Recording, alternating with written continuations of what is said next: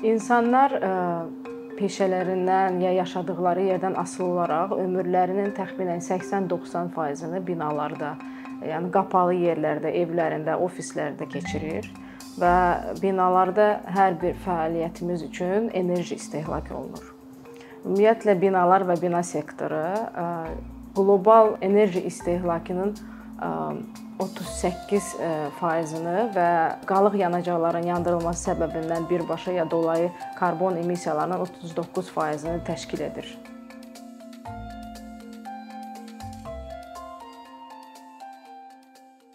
Binalarda istifadə olunan enerji bina sakinlərinin sağlamlığı, rahatlığı, termal ya vizual rahatlığına rahatlığını təmin edən xidmətlərlə əlaqədardır.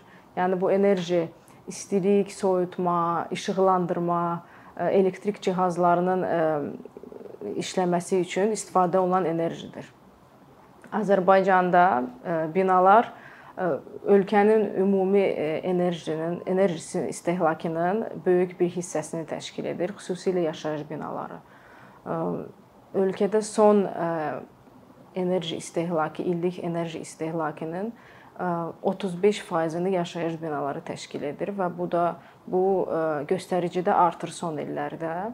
Azərbaycanda yeni inşa olunan binaların son 10 illikdə keçmiş ötəki 10 illiyin 10 illiyə nisbətən 86% artmışdır və keçən 2020-ci ildə işğaldan azad olunan ərazilərdə də yeni tikililərin çoxalması səbəbindən binaların enerji istehlakının payı daha da çoxalacaq.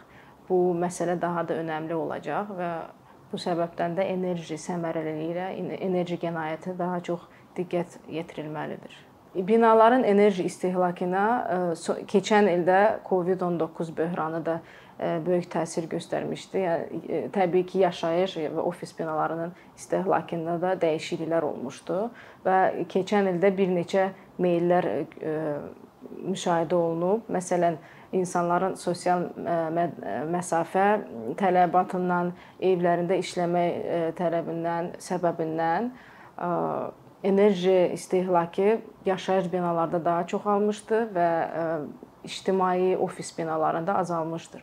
Amma Beynəlxalq Enerji Agentliyinə əsasən bu enerji balansı saxlanılmamışdı və hətta bəzi göstəricilərə görə binaların ümumi qlobal enerji istehlakında payı da biraz da artmışdır.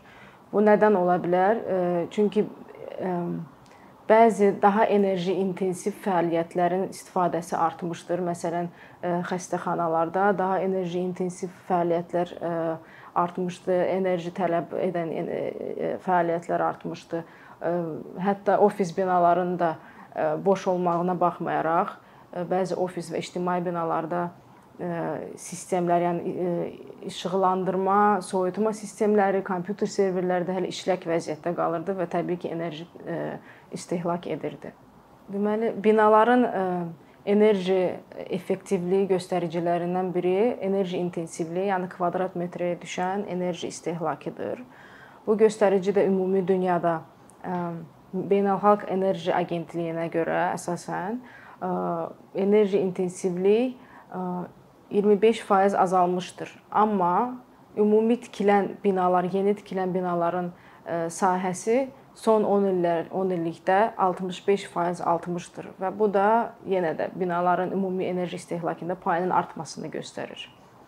Enerji intensivlik göstəricisi Azərbaycanda təxminən 1000 kilovat saat kimidir. Bu da çox yüksək göstəricidir. Yəni əksər inkişaf etmiş Avropa ölkələrindən daha yüksəkdir. Məsələn, Fransada, Almaniyada, İtaliyada bu göstərici 250-300-dür və Azərbaycanda binaların enerji səmərəliliyi oxşar iqlimə malik olan, yəni eyni coğrafi genişlikdə yerləşən Avropa ölkələrinə eyni səviyyədə olsa enerji səmərəliliyi, onda Azərbaycanda yaşayış binalarının enerji istehlakını təxminən 45-50% azaltmaq olar. Bu da ölkənin ümumi enerji istehlakının 20%-ni təşkil edir. Binaların enerji effektivliyini artırmaq üçün və enerji istehlakını azaltmaq üçün bir neçə yol var və bir neçə faktorlara toxunmaq lazımdır. İlk öncə məsələn layihələndirmə prosesinə baxsaq, normal layihələndirmə prosesi bir xətti yolu izləyir. Memarlıq layihələndirməsi dizaynı, sonra sistemlərin dizaynı, bina sistemlərinin və tikinti. Və bu prosesdə memarlar, sistem mühəndisləri, tikinti menecerləri arasında kifayət qədər kommunikasiya, yəni ünsiyyət çatışmamazlığından səhv dizayn qərarları qəbul oluna bilər. Bu binanın sonunda, yəni binanın performansına və sakinlərinin rahatlığına, sağlamlığına təsir göstərə bilər və təbii ki, enerji istehlakının artmasına da gətirib çıxarda bilər.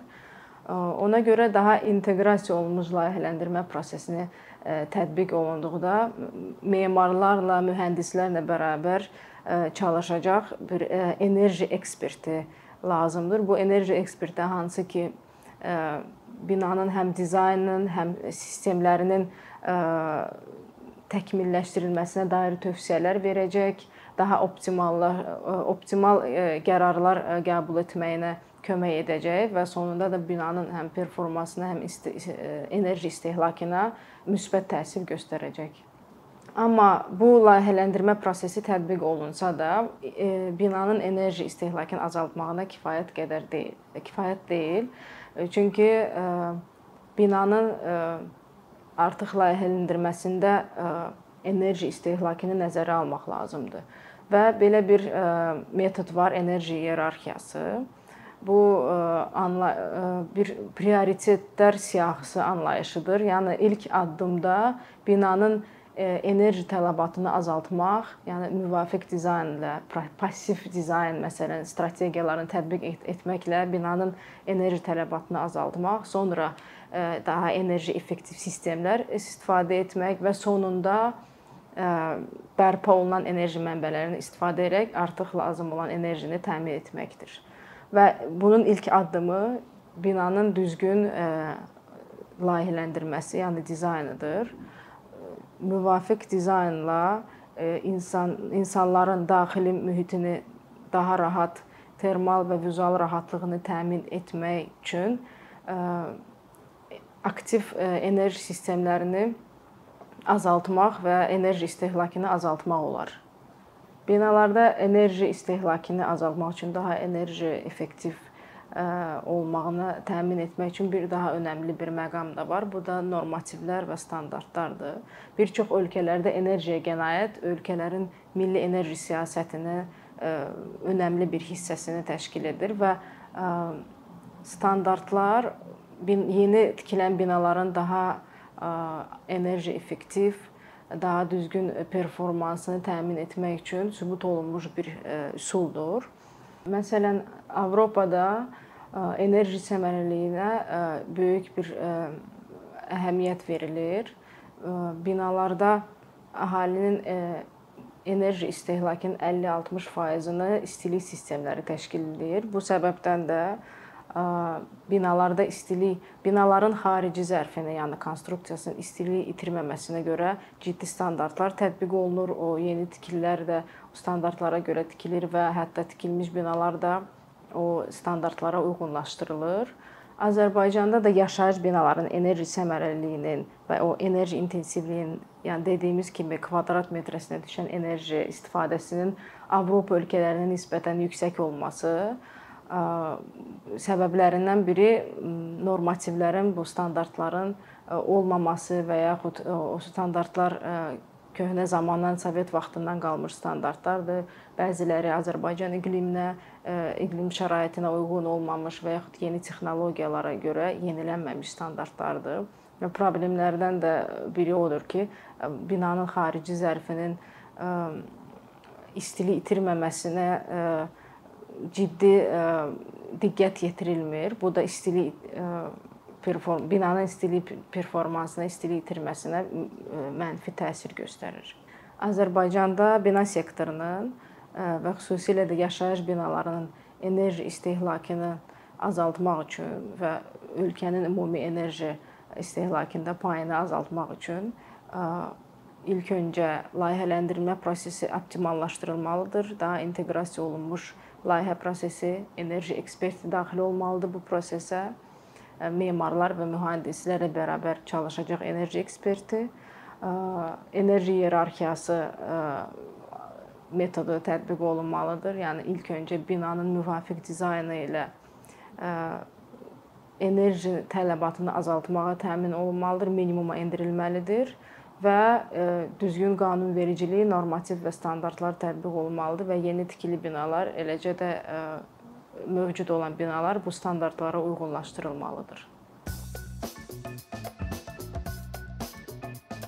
Bir neçə ildir ki, əkinçi olaraq azərbaycanlı izləyicilərin hər zaman faydalana biləcəyi keyfiyyətli və ən əsas ödənişsiz kontent hazırlamağa çalışırıq. İndiyədək təqdim etdiyimiz onlarla animasiya və yüzlərlə çəkilişlər tələbələrin, mütəxəssislərin, müəllimlərin və ümumiyyətlə yeni mövzulardan xəbərdar olmaq istəyən çox sayda insanın marağına səbəb olub. Bu illər ərzində hazırladığımız videolar təhsil, texnologiya, ictimai fəallıq, iqtisadiyyat, gender bərabərliyi, ətraf mühit, ifadə ifadə azadlığı, hüquq, demokratik inkişaf, mədəniyyət və digər mövzuları əhatə edib. Məqsədimiz çoxlu baxış gətirən deyil, çoxlu fayda gətirən videolar hazırlamaqdır. Amma bu düşündüyümüz qədər asan deyilmiş. Gördüyümüz iş kifayət qədər resurs, əmək və təbii ki, davamlılıq tələb edir. Bu səbəbdən Patreon platformasından istifadəyə başladıq. Əkinçinin Patreon hesabının populyarlaşmasına çox böyük ümidlərimiz və gözləntilərimiz var. Bəziləriniz Patreon haqqında ilk dəfə eşidirsiniz. Əslində çox sadə izahı olan bir platformadır. Təsəvvür edin ki, siz rəssam və ya musiqiçisiniz. Sosial şəbəkələrdə sizi izləyən, işinizi bəyənən çox sayda insan var. Patreon platforması sizə imkan verir ki, izləyicilərinizin könüllü aylıq ödənişləri sayəsində işinizi davam etdirəsiniz. Sərgi, konsert zallarından asılı qalmayasınız. Amma bu təkcə rəssam və musiqiçilərə aid deyil. Məsələn, əkinçiyə bənzər fəaliyyətlə məşğul olan bəzi layihələrin 10 minlərlə patronu var. Biz də düşündük ki, nə üçün əkinçinin Patreon hesabı olmasın? Sizin dəstəyiniz sayəsində biz daha çox və daha keyfiyyətli kontent yaratmağa davam edə biləcəyik. Amma bu dəstək yalnız maddi dəstək deyil. Dəstəkçilərimizin sayının artması gördüyümüz işlərin faydalı olduğuna dair əminlik verir. Patreon platformasından istifadə çox sadədir. Hesabınızı açırsınız, sizə uyğun dəstək növünü seçirsiniz və Patreon özü hər ayın ilk günü kartınızdan seçdiyiniz dəstək növünə uyğun ödəniş tutur. Bu qədər. Sonda onu demək istəyirik ki, dəstəkçilərin sırasına qoşulmaq istəyən, amma məhdud imkana görə bunu edə bilməyənlər narahat olmasın. Daha öncə dediyimiz kimi, bizim əsas məqsədimiz daha çox insanın hər zaman faydalana biləcəyi keyfiyyətli və ödənişsiz kontentin yaradılmasıdır. Bunun üçün mütləq patronumuz olmalısınız deyə məcburiyyət yoxdur. Amma imkanınız patron olmağa çatırsa və bizim işimizi bəyənirsinizsə, patronlarımızın sırasına qoşulmağınız bizim üçün çox önəmlidir.